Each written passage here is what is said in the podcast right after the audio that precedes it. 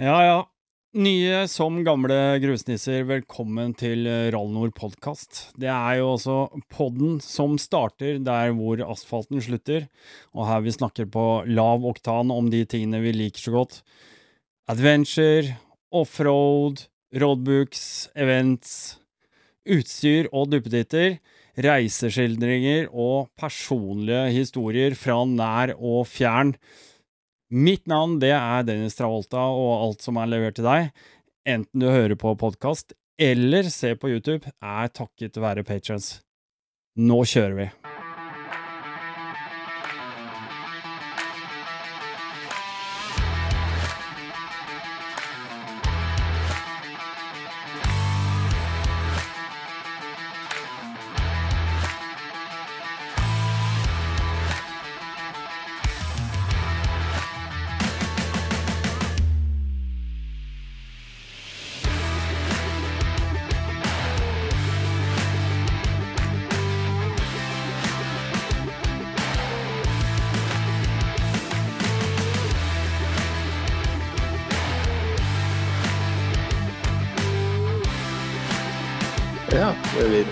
Fra start igjen.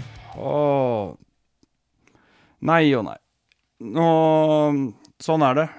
Plutselig har du Ja. en dobbeltklikk, antageligvis, som gjør at lyset går på, og så går det av igjen uten at man legger merke til det. Ja. Åh, nei, nei, nei. nei. Dette begynte veldig bra, men eh, Vi bare gjør den enda bedre, Dennis. skal vi gjøre det? Tusen takk Ja. for tålmodigheten. Det er ingen problem. Ok. Uh, jeg resetter. Velkommen tilbake til Rallnord podkast. For eh, de av dere som vet hva det er, så er det jo podden som starter der hvor asfalten slutter. Og i dag så skal vi faktisk bare ta og eh, rett og slett jeg går rett og slett eh, og tørker eh, søvnen ut av øynene, holdt jeg på å si, fordi at eh, tydeligvis er jeg trøtt. For nå har jeg snakka med dagens gjest i 20 minutter på inn- og utpust om de tingene vi liker, og så finner jeg ut at jeg ikke har klart å få på rekordknappen. Noe som gjør at livet går litt i grus, men vi ser bare framover. Dagens gjest og jeg, vi har tolv timers tidsforskjell, og vi har eh, drøye 40 grader eh, i eh, temperaturforskjell. Jeg sitter på morgenkvisten og er tydeligvis trøtt i trynet. Han er langt utpå kvelden og befinner seg på New Zealand. Dagens gjest, det er Kyrre Hagen. Velkommen til podkast. Takk for det, Dennis. Det var gang nummer to. Dette her er det største marerittet med å drive med podkast. Det er eh, sånne ting som skjer. Jeg har opplevd noen ganger eh, ikke klart å få eh, rekorden på, og så tror jeg at jeg er i gang. Andre ganger så har jeg klart å gå tom på minnekortet underveis. Det er ting som skjer som Ja. Det må være Man må være litt på tå hev. Du, jeg eh, Vi har jo snakka på inn- og utpust i 20 minutter allerede. Det er nesten vanskelig å gjenta, men eh, for den lytteren som ikke måtte vite hvem Kyrre Hagen er, ta den eh, korte versjonen en gang til, er du snill. Ja, det kan jeg gjøre, Dennis. Eh, Først og, først og fremst så er jeg en, en motorsyklist, vil jeg si. Det står eh, høyt på prioriteringslista mi eh, nesten bestandig. Eh, Jeg er nok litt som deg også, at jeg liker meg der hvor asfalten slutter. Jeg bruker mye tid på grus. Jeg har vært så heldig og fått jobbe en del med MC-avisa. Så jeg har eh, fått vært av gårde en god del og testa motorsykler i Norge og i utlandet. Og jeg har eh, vært på mye turer. Det er det jeg liker aller best. Komme rundt i verden og se ting fra motorsykkelsetet. Så det er, det er min store lidenskap. Og de siste, siste fire-fem julene, litt avbrutt av coviden bare et år, så har jeg feira jul på, på hjul, rett og slett. Mm. i andre steder i verden hvor det har vært temperaturer til å, til å kjøre. Ja, det høres helt uh, fantastisk ut. Ja, jeg har skrevet til MC-avisa, vi snakka om det i stad, Dennis. Og jeg leverte første innlegget mitt i 2007. Da hadde jeg holdt uh, liv i en uh, lokal motorsykkelklubbs hjemmeside som ingen andre bidro med, bidro med stopp. Og da lagde jeg litt artikler, og så tenkte jeg at det er liksom for dumt at det er 30 stykker som leser dette her. Mm. Og så sendte jeg inn til MC-avisa, og så blei det mer. Så siden 2011 så har jeg vært ganske fast bidragsyter. Og de siste ti åra har jeg nesten levert stoff i hvert eneste nummer. Og ja. Mm. ja det har vært artig. Mm. Er, kan jeg spørre, er det, er det, mulig at dette er et levebrød, eller det, må du ha en eh, vanlig A4-jobb eh, som alle andre ved siden av? Jeg tror at jeg har hatt eh, en god del artikler hvor jeg har hatt 20-25 kroner timen, tenker jeg, for å, skrive. oh, ja. ja. Jeg, jeg, kaller det dugnad. Ja, det er dugnad. Ja. ja. Men det er en veldig viktig og god dugnad du driver med, da? Ja, og det, er, det, har gitt meg noe. Og det har vært ja. Eh, et fint miljø å være en del av. Så det har vært gøy. Og jeg har fått eh, kolleger i alle de skandinaviske landene som har vært veldig morsomt å treffes på presselanseringer og kjøre tur sammen. Og du mm. liksom Oi, er det deg jeg skal kjøre med denne gangen? Og så, så har, vi, har, vi, vært på tur, vi skandinavier, på en måte sammen. Så det har vært, det har vært veldig koselig. Mm. Mm. Nei, det er uh, vi, vi, kunne som sagt ha snakket timevis antagelig om de opplevelsene og de turene, de stedene og de menneskene du har møtt underveis, men vi må nesten uh, for denne gangen i hvert fall konsentrere oss om den turen du er på for øyeblikket. Ja. Du er jo som sagt, eller sa jeg kanskje ikke, det sa jeg i forrige opptak, at du er jo på New Zealand akkurat nå. Og dermed så har vi den ja, i hvert fall i dag. ja. Og så eh, Dermed så har vi den store tidsforskjellen på tolv timer. Jeg er oppe tidlig om morgenen, og du sitter litt seint på kvelden. Men, men, det starter jo ikke på New Zealand. Dette startet for en del uker tilbake, og, og jeg snakket med deg rett før avreise. Um, kan ikke du ta litt uh, om valget av tur for, uh, for denne gangen? Det kan jeg gjøre, Dennis. Uh, ja, jeg hadde, jeg hadde, egentlig planlagt en enda lengre tur i, i Sentral-Asia, men det gjorde at jeg måtte del, gjennom land med en del uroligheter og en del sånn litt uforutsigbare regimer. og Derfor så, så endte jeg etter hvert opp med Australia. Jeg, det var liksom et kontinent som jeg ikke hadde vært på i det hele tatt. Uh, og uh, ja, uh, veldig annerledes og, uh, og forutsigbart på, på, veldig mange måter. Så jeg, jeg ønska egentlig noe, noe, noe, helt annet som ikke ja, Mange har vært her og kjørt, selvfølgelig, men uh, ikke så mange jeg kjenner. Mm. Så jeg dro i uh, midten av november. Eh, 18.11 dro jeg av gårde. Og for å hadde da spart opp all ferie fra 2023. Pluss en eh, drøy uke avspasering. Pluss at jeg kunne ta juleferie med noen helligdager. Og pluss at jeg da har spedd på med litt av ferien for 2024. Mm. Og dermed var jeg oppe i ni uker totalt.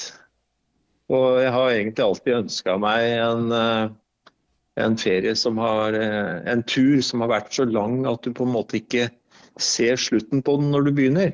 Ja. Eh, ikke sant? At du, du, må på en måte kjøpe deg en neglesaks, og du må få klipt håret underveis. og du liksom, mm. ja, det, det, er de vanlige tingene som, som ikke du vanligvis gjør på en sånn treukers tur, kanskje. Mm. Neglene må du klippe, men ikke håret. så, så, det ønska jeg. Eh, jeg ønska på en måte litt motorsykkelkjøring i litt elementer som var litt annerledes enn det jeg hadde gjort før. Ja, det må vi jo kunne si at Australia har å by på, antageligvis. Det, jeg, jeg, har jo registrert, jeg har jo fulgt med deg på, på, Facebook, og du har vært veldig flink til å blogge på mange måter. Det er sånn, å legge ut bilder og tekst og, og noen videoer underveis og sånne ting. Det ser jo fantastisk spennende ut. Australia, Australia, har så mye å by på. Og liker du deg på grus, så er det vel ingen steder i verden som har så mye grusveier som her nede. Det er, det er helt sjukt hvor mye grusveier som, eh, som, det har vært. Og jeg har, og jeg har kjørt mye, mye grus. Men, eh, ja. ja. Før, vi, før, vi, strekker den av gårde, så kanskje vi skal ta og begynne med, med litt sånn avreiseplanlegging. Fordi eh, jeg regner med at du ikke har eh, satt sykkelen din på en eh, container og skippa nedover? Jeg ønska egentlig det. Ja. Jeg har en T7 som eh, godt kunne Jeg kunne vært kvitt noen måneder uten noe problem hjemme også, så det, det var en mulighet. Men det er ingen ingen firmaer i Norge som sender til Australia, og dermed så må du til en av de store havnene i Europa for å finne noe firma som, som sender. Eh, og Så har du det neste problemet, og det er at du må bruke fem dager på å vaske motorsykkelen din før du sender den. Eh, ellers så havner den i tre måneders karantene i Australia når den kommer fram, hvis noen finner et lite snø, stø, støvfnugg på sykkelen. Så eh, jeg kjenner folk som har sendt uh, sykler ned hit før, og, og, de har altså brukt fem dager på vask av sykkel. Mm. Og det å stå i en havn i Europa og, og, og vaske sykkel, det tenkte jeg at det, eh, det, blir for komplisert og det blir for dyrt. Uh, og jeg skal ha sykkelen i Australia i sju uker, og så skal jeg videre til New Zealand, og der må jeg likevel leie sykkel. og så fant jeg rett og slett ut at jeg forklarer meg med, forklarer meg med en annen type sykkel. Mm. Og da, da blei det, ble det å leie sykkel. Og, og, for å dra det litt videre, da, så er det det med å leie sykkel i Australia, det, det er forholdsvis dyrt. Og jeg har leid sykkel 45 dager her nede. Jeg fikk den en dag før, så det blir 46 kjøredager. Men eh, for en gammel GS 800 som hadde da 126 000 km på telleren da jeg fikk den, så måtte jeg da selv med langtidsleie betale 1100 kroner per dag. Oi. Så det, det, er det det koster å leie en gammel motorsykkel i Australia. Og skulle jeg leid en uh, ny GS 1250, så kunne jeg bortimot doble prisen. Oi. Nå, nå, ble jeg nesten satt ut. Det der er vi Nå snakker vi norske priser. I Australia så er det, er det meste norske priser. Ja. Nei, nei, jeg, bare, jeg, jeg vet ikke. Jeg blei bare litt sånn overraska. Kanskje jeg tenkte tenkte at eh, det er billigere å erverve eller kjøpe et kjøretøy der nede, og at prisen kanskje står mer i stil til det. Jeg, jeg vet ikke hva jeg tenkte. Jeg bare blei litt forundra og sjokkert. det var også en mulighet. Jeg, jeg, jeg sjekka litt ut, men jeg hadde ingen kontakter her nede som gjorde at jeg kunne kjøpe sykkelen. Og én ting er det at du, du skal kjøpe den, men du må ha en, du må ha en adresse her nede i forhold til forsikring. Og, eh, og, du må ha noen som selger den sykkelen for deg når du er ferdig med å bruke den. Ja. Og dermed så på en måte står du litt i en sånn her eh, tidsskvis eh, når du, skal, når du skal kvitte deg med den igjen, hvis ikke du har en god kontakt som bare, som bare har den hos seg og selger den når kunden kommer, på en måte. Mm. Så, så det også blei vurdert, men det også blei da litt ja, det blei lagt på is rett og slett fordi det, det blei litt for komplisert. Ja, eh, man vil jo gjerne ha det enkelt også, så ja. sånn er det. Men også, eh, du et, et, Etter å ha kjørt syv uker her nede, så den, den 800 har fungert for så vidt. Jeg har kjørt veldig mye grus, men en ting du oppdager etter å ha vært i Australia en uh, ukes tid, det er hvor helt vanvittig vanvittig svært dette landet er. Ja. du ser på den der lille øya som ligger der nede, og så tenker du ikke over at eh, Australia er like stort som USA. Nei, jeg, eh, jeg sitter faktisk med Google Maps her. Og nå har jeg eh, på en måte zooma ut såpass. Og jeg kan jo tenke meg at det går ja, bortimot nesten fire til fem ganger så stort som Norge totalt. Fem, i hvert fall. Det er vel mange, det er vel flere ganger enn det òg, vil jeg tro. Ja, det er mulig. Mulig. mulig. Ja. Så, Ja. Men du, du, du flyr ned. Hvor er det du flyr til? Jeg fløy til Sydney. Ja. Jeg hadde en liten mellomlanding på et par dager i, eh, i Singapore. Der hadde jeg ikke vært før, så da brukte jeg muligheten. Og så landa jeg i Sydney, Sydney 22. november. Ok. Og der henta du Det var der du plukka opp den uh, BMW-en? Ja, det stemmer. Mm. Hvordan har Eh, Jeg hadde, jeg hadde skaffa meg noen kontakter, ja. det kan jeg også si som et sånt lite tips. Australiere er helt usedvanlig hyggelige og hjelpsomme mennesker. Og jeg skaffa meg litt kontakter eh, via folk som har vært her nede før. Så når jeg kom til Australia, så sto det ei dame og henta meg på flyplassen som jeg aldri hadde møtt før. Som bare henta meg fordi at de syntes det var kult med overlanders. Altså Ja. utenlandske motorsyklister. Jeg kom hjem og bodde hos dem et par dager. Kjørte motorsykkel sammen med mannen, i så de kjørte motorsykkel begge to. Og så, og så dro jeg derfra etter hvert, da. Hvordan, eh, hvilken retning tok du? Og, og, for å si det sånn, du har vel antageligvis da lagt opp en slags rute på forhånd, eller en, en liste over steder du kunne tenkt deg å vært innom. Hvordan har Ja. researchen vært i forhold til det, og, og, og hva, hva Nei, har du på en måte det- hatt noen målsetninger underveis? Det som har vært litt greia, har vært å ikke ha spikra plan. Mm. Eh, Jeg hadde jeg har en kjæreste, og hun skulle komme ned etter fire uker og bli med meg på de siste tre ukene i Australia. Og bli med meg her på New Zealand. Og det vil si at jeg hadde drøye tre og en halv uke alene på tur først. Og da hadde vi hadde lagt opp en eh, plan sammen, at vi skulle ned og kjøre Tasmania. Og dermed så tenkte jeg at da kjører jeg på områder som ikke vi skal kjøre. Mm. Eh, og så visste jeg det at eh, når jeg kjører alene, så kjører jeg veldig effektivt. Det, det blir eh, lange etapper, og jeg kan på en måte har ingen å ta hensyn til i forhold til hvilke veier jeg velger. Så jeg, jeg begynte med å, å kjøre inn i Blue Mountains og kjøre nordover. Og jeg eh, la egentlig planen bare fra, fra dag til dag. Jeg hadde et sånt sikte om Townsville, som ligger ganske langt nord. Mm. Eh, og eh, traff ved en ved griseflaks, vil jeg si, så traff jeg en amerikaner. En av de første dagene jeg var ute og kjørte. Han eh, Jeg hadde kommet inn på en vei som egentlig var stengt, som heter Kemsey Road. Eh, der sto det store varselskilt om at veien var stengt, så jeg kjørte ned igjen til nærmeste tettsted og svingte inn på puben og spurte hvordan veien var, og de sa at den var mulig å kjøre. Men at jeg måtte ha bensin, for det var langt over til neste stopp.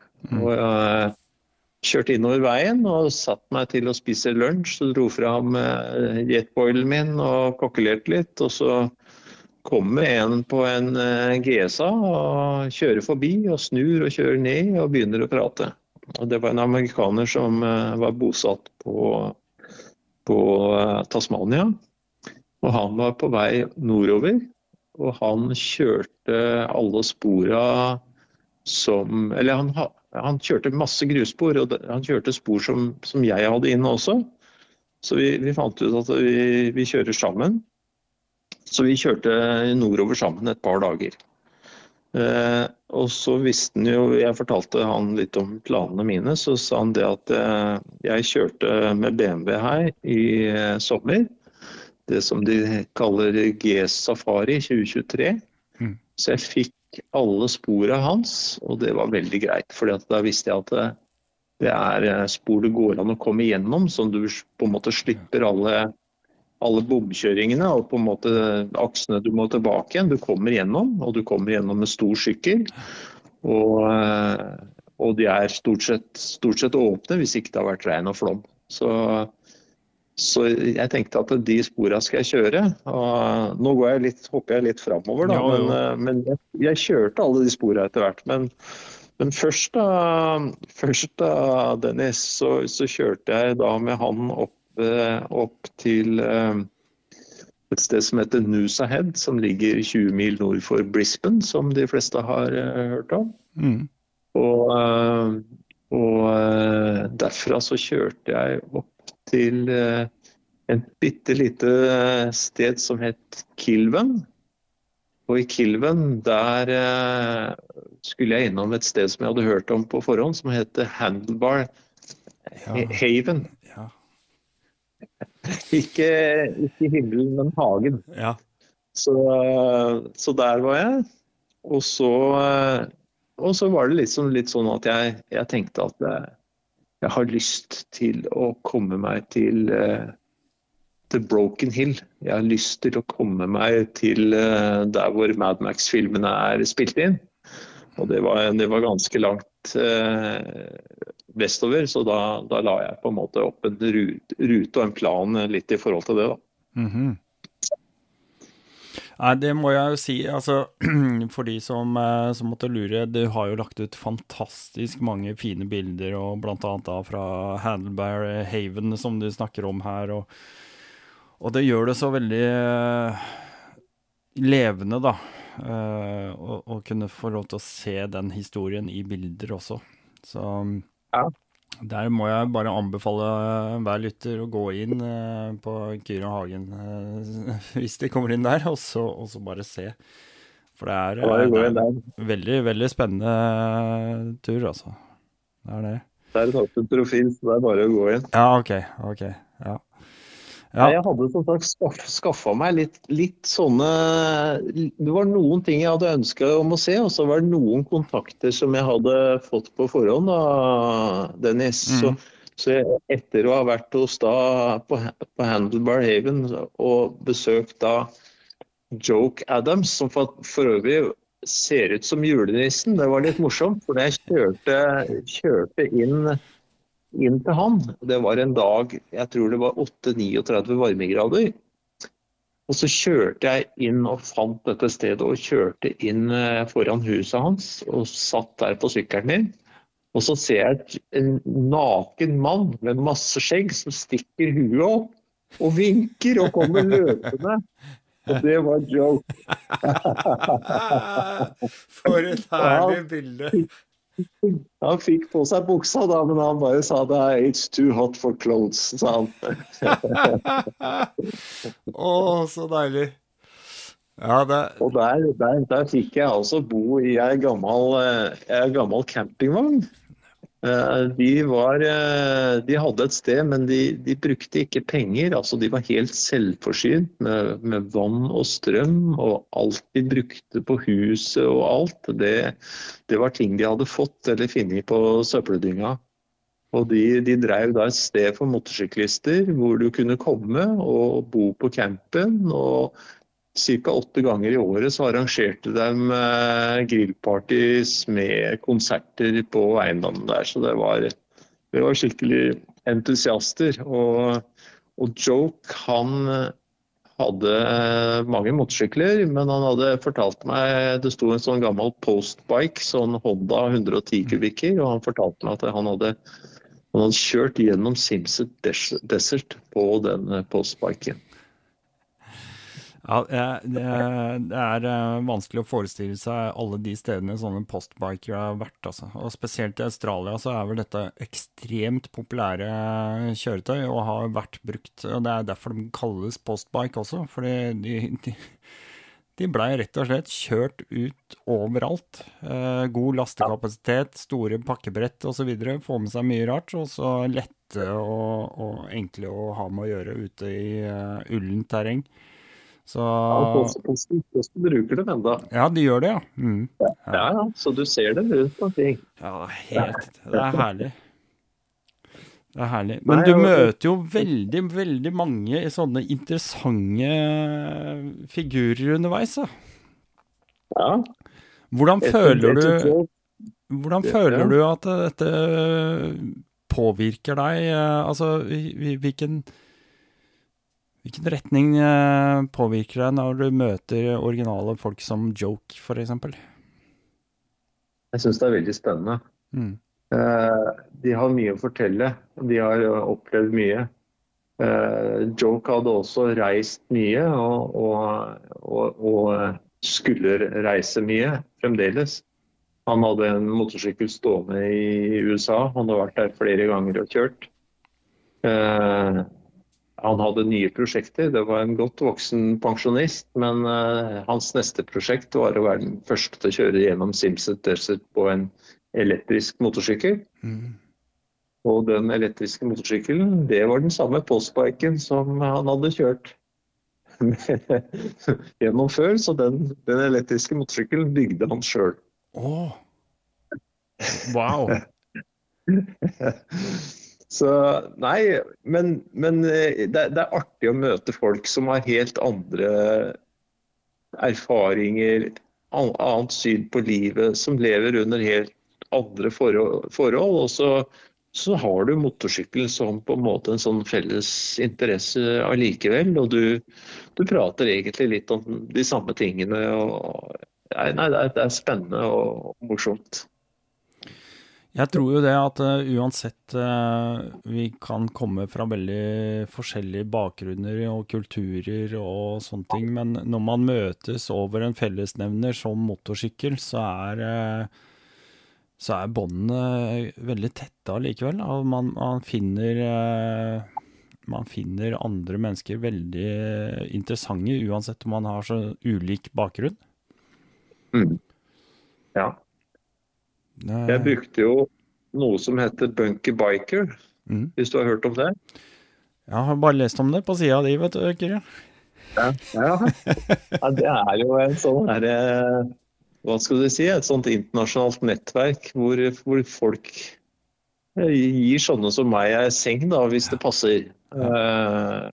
Så får du overnatting og ja, noen ganger får du frokost, og noen ganger får du til og med middag. Så og noen ganger har de egentlig bare en plass til deg du kan slå opp teltet i hagen, men det er OK det også. Mm.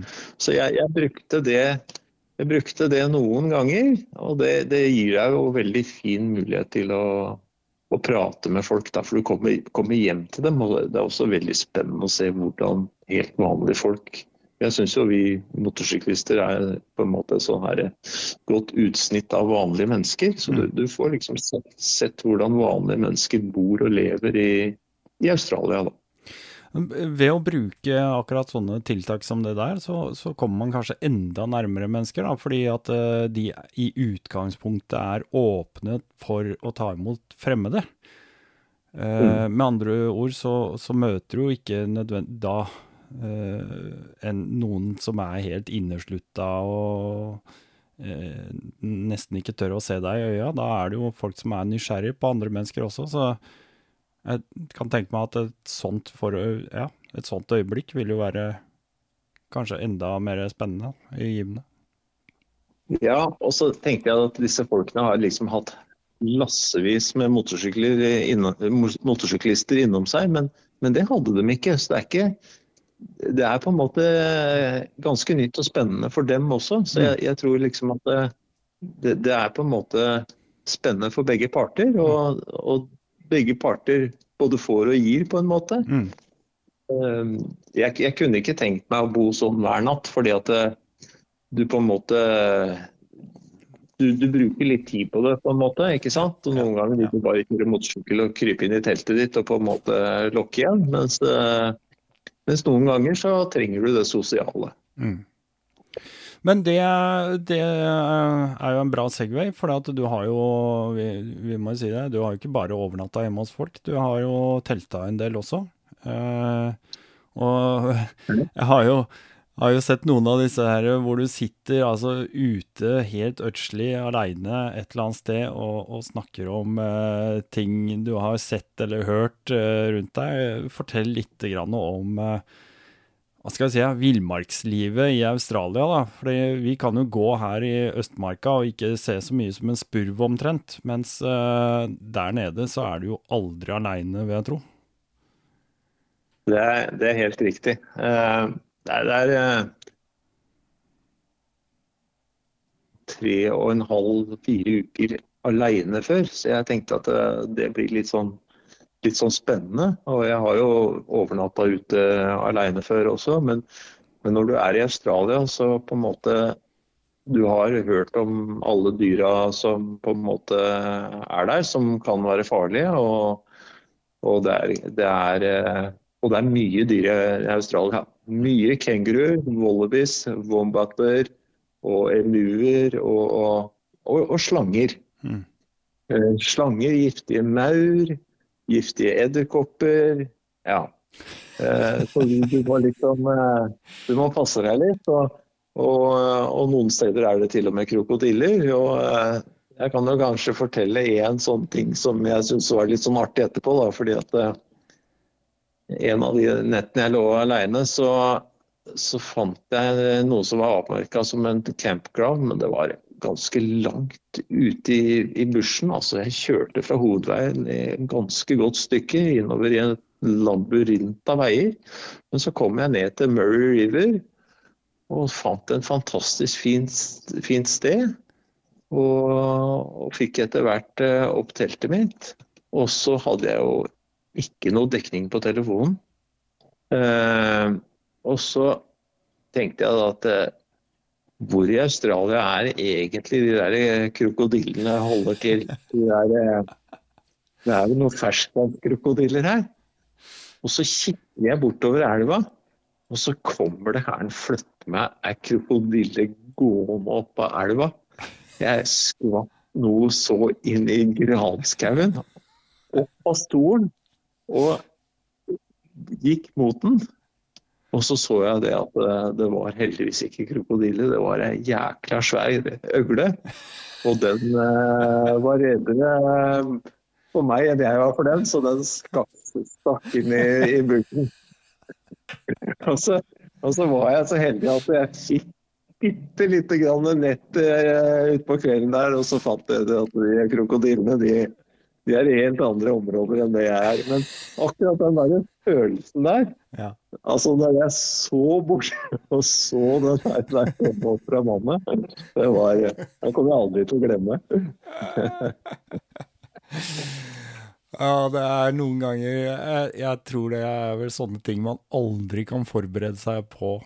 Eh, fordi det er bare sånn man må oppleve for å, å, å, å lære seg selv bedre å kjenne.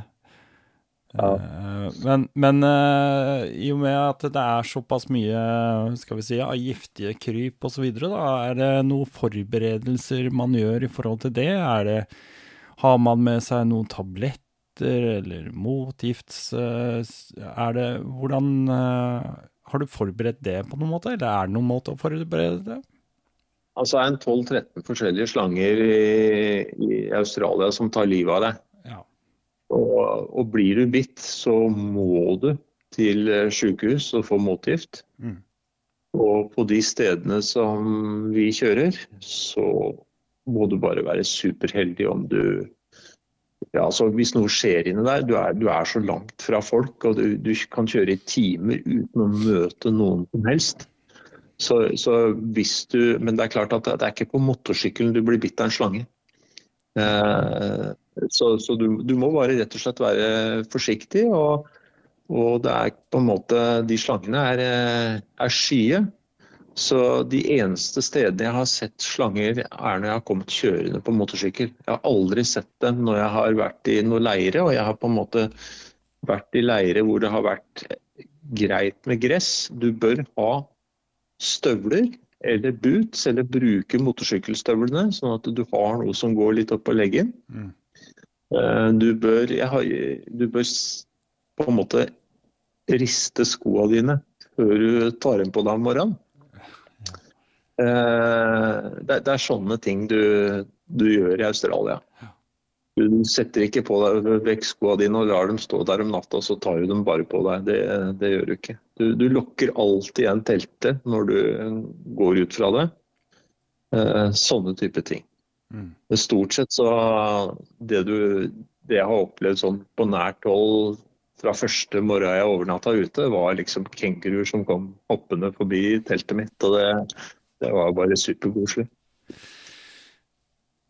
Åssen er, er, det der eh, å se et sånn type dyr første gangen? Jeg tenker på, er de får, får, man et annet inntrykk av de? Altså, Åssen er de eh, personligheter og sånne ting? Stikker de av? Er de nysgjerrige? Altså Nå tenker du kenguru? Ja, kenguru. Ja, ikke slanger. Nei, eh, Rekorden vår var vel 21 kenguruer utafor teltet vårt en natt. Oi. oi, oi, oi. De, er, de er ikke veldig sky. Nei. Eh, de står og kikker på deg, og gjerne på ti meters avstand. Det er ikke noe problem.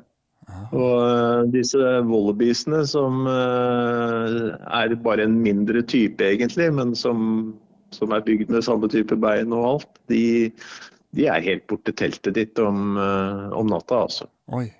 Så de, de er jo bare søte. Men du skal passe deg når du er ute i trafikken, at, eller ute på veien. For i det øyeblikket det begynner å skumre, mm. så er det mye kenguruer. Og, og, jeg har hatt kenguruer rett foran sykkelen på dagtid også, så, så du, skal, du, skal, passe deg for kenguruer. Ikke kjøre når det skumrer. Nei. Nei. Du, åssen Denne turen kan vi jo snakke i timevis, men uh, hvis vi på en måte skal ta den veldig korte versjonen Altså, du, du har stort sett bare holdt deg på grus underveis? Nei, Nei. det har jeg ikke. Nei. Eh, det er Jeg har kjørt nesten 13 500 km siden jeg kom. Oi. Ja. Det er langt. Og ja, og på de første, den første delen av turen, når jeg kom tilbake til Sydney, så hadde jeg vel eh, ca. 8500. Og eh, av det, de 8500 første, så var jeg nok mer på grus enn jeg var på asfalt, i hvert fall i tid. Men det er klart at eh, når du krysser bort til eh, Jeg kjørte jo som jeg sa til, til, Broken Hills, først til Burke og så til Broken Hills. Så jeg, du kjører, Da jeg kjørte til Burke, det var vel egentlig litt av den, av den virkelige Altså det, det, som ga mest inntrykk på meg. Og det, det, var liksom å være i de elementene som jeg ikke var vant til. Mm. Med varme, med varme og avstander. Så, så når jeg hadde på en måte kjørt de etappene der og skulle til Broken Hills, og det var 70 eh, mil og det var 45 varmegrader, så skjønner du det at eh, du skal ikke rote deg inn i for, eh, for håpløse områder i 45 grader. fordi at hvis noe skjer, en dag som jeg sto og kjørte og inn mot et kryss, så skulle jeg bare sjekke litt på, på GPS-en at jeg kjørte riktig.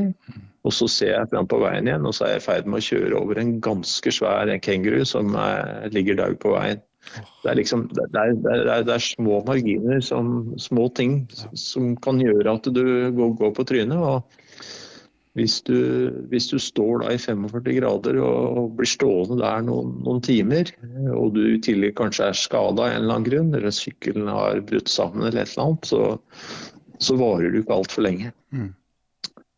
Så det, det, er på en måte de tingene som har gjort mest inntrykk. Og tilbake til det med å kjøre asfalt. da, Når du kommer til, til Burke og du skal kjøre 70 mil og det er 45 grader, da skjønner du at dette skal jeg gjøre så enkelt som mulig. Ja, ja da, da, da, kjører du asfalt. Så, så for å komme, til, komme, seg rundt og få sett så mye av Australia som det jeg syns jeg har fått gjort, så, så, har jeg måttet kjøre en del asfalt også. Men uh, tidsmessig så har jeg brukt mye, tur, mye av tida på, på grusveier. Mm, mm.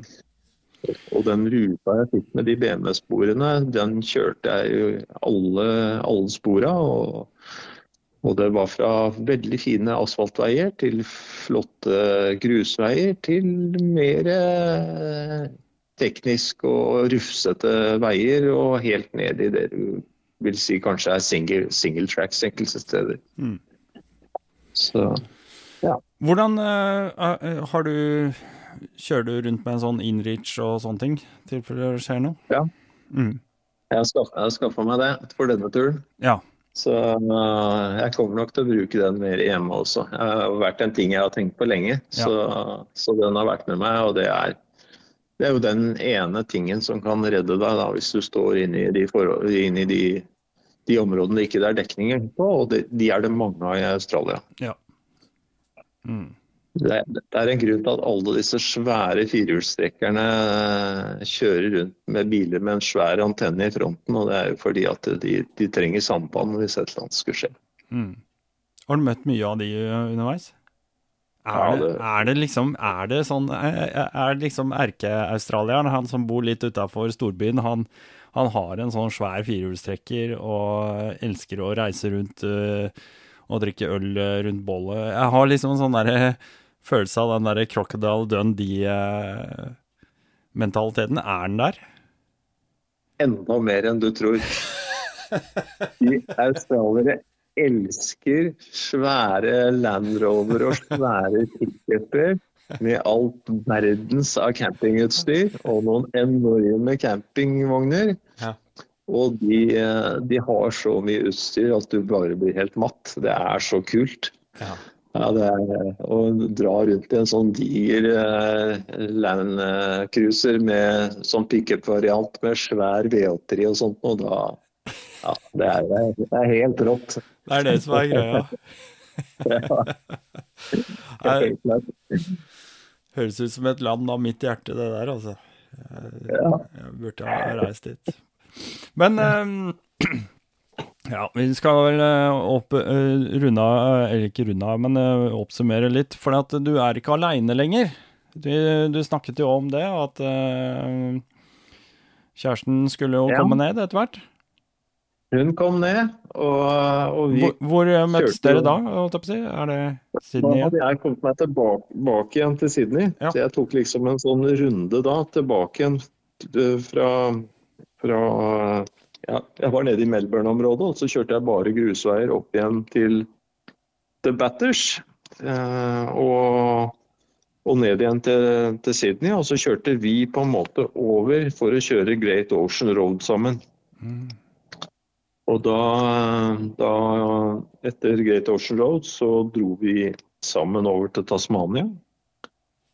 Så på julaften så, så satt vi oss på ferja til Tasmania og kom i land på julaften i, eh, i, eh, i, i Tasmania og kjørte ned til da han amerikaneren som jeg hadde blitt kjent med, og feira på en måte julaften og første juledag, som er dems feiring, da Ja, ja. på, på Tasmania.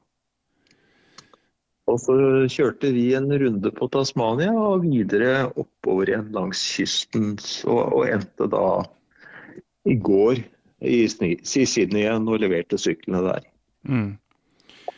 For uh, hun også leide sykkel eh, er det samme utleier, eller er det sånn privat Uh... Ja, samme utleier. Lenka heter hun. Ja. Lenka Leginova. mm. Ja. Så hun, hun var med meg da på det. Og hun leide en ja, også en gammel Suzuki D, hva heter den? G, DR 650? 650? Ja, er 650, ja. Ja. Ja. En sånn ensylindra gammel med en god eh, plastikktank. Veldig, veldig mange av de DR-ene i Australia, faktisk, de har hatt en slags eh, forkjærlighet for den Suzuki-utgaven. Mm. Og så har de solgt dem i veldig veldig mange mer, flere år enn det vi har gjort i, hatt dem i Europa. Så, Ja, så det er mye av det. Mm. Mm. Ja, dere har jo tatt eh, Vi har jo prøvd noen ganger. Det som, er, eh, det som har vært litt vanskelig, er jo at eh, jeg jobber skift her hjemme i Norge, mens tidsforskjellen har jo vært ti timer, og, og så skulle vi snakkes, og da plutselig Nå er dere på New Zealand, nå er den tolv timer. Så mens klokka nå er kvart på ti her på formiddagen, så er den jo kvart på ti hos deg, da. Ja. Ja. Men, men, dere har jo reist nå til eh, New Zealand. Og da er jo spørsmålet hva, hva skjer uh, i morgen for din del? Eller deres del? I morgen, i morgen skal jeg bare rusle ned fem, fem, minutter ned i gata her og hente ut uh, sykkel. Og Lenka har leid på et annet sted fordi hun uh, fikk ikke den sykkelen hun ville ha der. Så da, da legger vi ut på tur da, med telt og sovepose igjen. Og og vi skal i hvert fall gjøre Sørøya, så får vi se hvor mye tid vi eventuelt får til å reise på Nordøya. Men uh, det er uh, det er ganske stor øy dette her er også. Så, mm. så Sammenligna med Norge så er den sikkert like stor som Norge. Mm. Jeg vil tippe at flateinnholdet egentlig er større. Ja. Så vi, vi, får ikke med oss alt. Åssen er New Zealand i forhold til Norge Altså, jeg hører så Eller jeg har hørt, mener jeg, så mye om at uh, det ser på mange måter litt likt ut. Ja, det, det gjenstår å se, da. Vi ja, det gjenstår å se. Her, men, vi, men vi, uh, vi uh, så noen åser her som ser egentlig ganske lovende ut. Og vi er jo, er jo særlig på Sørøya, i den sør- og vest, vestlige delen, vel, som som har eh, Ja, det er der Ringenes, Ringenes herre er spilt inn, så det, mm. det sier vel det meste. Ja. ja. Nei, det er eh, Det blir i hvert fall veldig spennende å, å, følge med videre og se disse bildene, for det er jo helt fantastisk å få lov til å sitte her hjemme i uh, under 20 minusgrader og, og, rett og slett bare få lov til å drømme seg bort uh, til fjernere strøk. Vi var veldig spente i dag, da, Dennis. fordi at eh, når vi snakka sammen, eller melda, melda, litt sammen i går, så måtte vi jo gjøre alt utstyret vårt rent. Ja. Fordi at eh, vi er jo altså så nøye. For det første så var de jo veldig nøye inn i Australia. Og så var de jo egentlig ganske nøye fra fastlandet Australia til Tasmania også. Selv om det er samme land, så er det er det andre dyr og andre arter og annen vegetasjon på Tasmania, og det er det også på New Zealand. Så de, de, en del, de prøver å beskytte seg fra, for en del insekter og sånt noe som ikke, som ikke er der. Eh, som ikke de har fått, som ikke de ønsker. Mm. Og eh, Vi sto på et knøttlite hotellrom i går og og vaske alt av støvler og jakker og regntøy og telt. Ah. Vi har kjøpt et telt der nede, da. Det kan jeg kanskje si at det, når du reiser sånn, så, så, får du liksom ikke med deg alt du skulle ønske. Fordi at eh, du må gjøre noen valg. Jeg hadde 25 kilo innsjekka bagasje og, og, håndbagasje. Og du skal ha med deg fullt kjøreutstyr, og du skal ha, med deg, du skal ha campingutstyr, telt, sovepose, liggeunderlag, kokeutstyr. Så noe, noe, utstyr må du rett og slett bare kjøpe her nede. Og nå fikk vi med oss eh, og det å sende en, en ekstra koffert, f.eks. ekstra fra Norge, det koster så mye penger at du like gjerne kan kjøpe tingene her nede. Mm.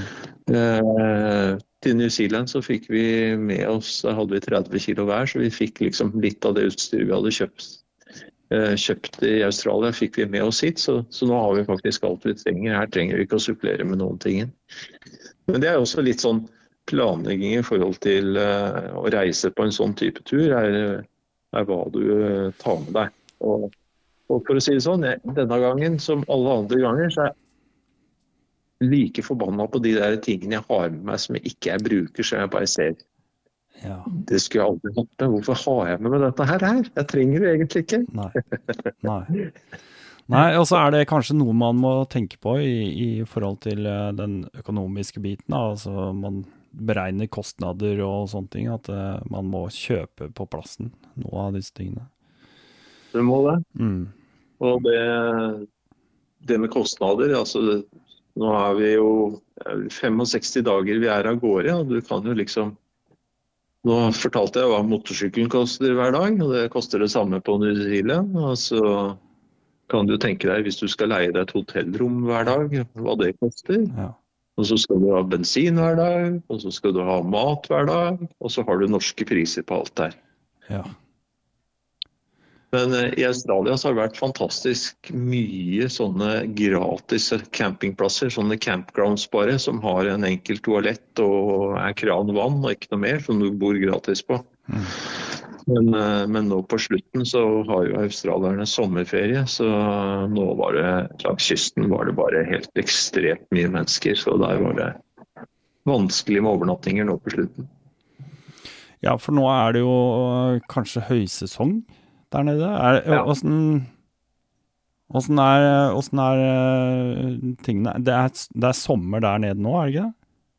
Det er sommer, ja. så nå har de sommerferie. Ja. Så nå er det sånn som vi har det på Sørlandet om uh, sommeren. Sånn er, det, sånn er det langs hele kysten oppover. Fra, fra Melbourne til, uh, til Sydney, nesten. Ja, Så det er bare å stille seg opp i iskremkøen og Ja, jeg skjønner. Ja. Jeg skjønner. Du, har det blitt noen eh, Vi har jo snakka mye om, eh, om, grusveier og remote eh, areas, holdt jeg på å si. Hvordan har dere liksom satt av litt tid til å besøke noen storbyer? Dere har jo vært i Sydney, selvfølgelig, men har dere liksom hatt noen sånne dager hvor det liksom Nei, vet du hva, i dag så bare går vi litt rundt og ser. Vet du, vi har faktisk Jeg tror jeg har hatt én dag jeg ikke har kjørt motorsykkel. Ja, ok. Det var en dag jeg skulle kjøre ut til, eh, ut til eh, noe som heter Walls of China, hvor det var meldt 45 grader der hvor jeg var. Og ute ved Walls of China så ville det bli 50. Ja. Eh, og da, da, tok jeg det med ro. Men vi har, vi har, jo besøkt Sydney, og vi har besøkt Melbourne. Vi hadde nyttårsaften i Melbourne. Mm og gikk ned på Docklands og så på fyrverkeriet som var der. og Det, det er nok ikke like rått som i, i Sydney, men uh, det var bra. Ja. Var noen, vi var noen hundre tusen mennesker ned på uh, Docklands og så på fyrverkeriet som ble sendt opp uh, i elva der. Sånne ting er spesielt. Det er det. Ja. ja. Nei, det er, eh, det er veldig, veldig, gøy at du eh, er med og deler eh, litt her hos Rallnord podkast også, Kyrre. Det, det, må jeg si jeg setter pris på. Dere har jo flere uker igjen, og, og kanskje vi kan eh, prates igjen ved en annen anledning også. Det hadde vært, vært veldig hyggelig. Det hadde absolutt. Og koselig, Dennis. Og så tenker jeg at uh, skal ta ønske dere alt lykke til videre på ferden. Jeg håper dere får med dere Nordøya også. Så Det hadde vært gøy. Må dere kjøre pent? Ja. ja. Alltid. Alltid det når vi er på tur. veldig, veldig bra. Jeg tror eh, vi, vi, setter strek for denne gangen. Og så uh, håper jeg at du, kjære lytter, har hatt en fin opplevelse. Det er alltid gøy å prate med folk som Eller høre en monolog samtale fra folk som kan prate på inn- og utpust på den måten som Kyrre gjør. Det er, det er veldig givende. Så tusen hjertelig takk. Og så høres vi bare neste gang. Og så til deg, Kyrre, så sier jeg som jeg alltid gjør, sjalabais. Sjalabais, Dennis. Sjalabais.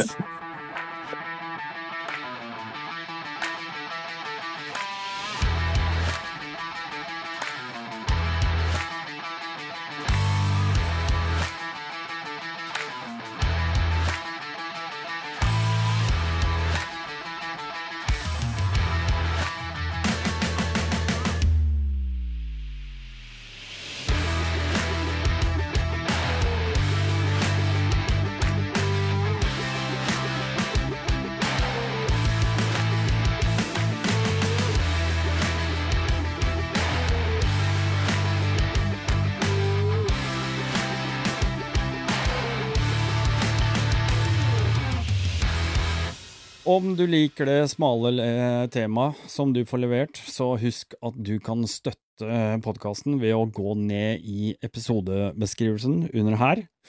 Da kan du klikke deg inn på Patrion-linken. Patrons er faktisk den eneste kilden til inntekter som kan drifte de nødvendige plattformene, og er derfor ekstremt viktig for å kunne fortsette å levere godt innhold til deg.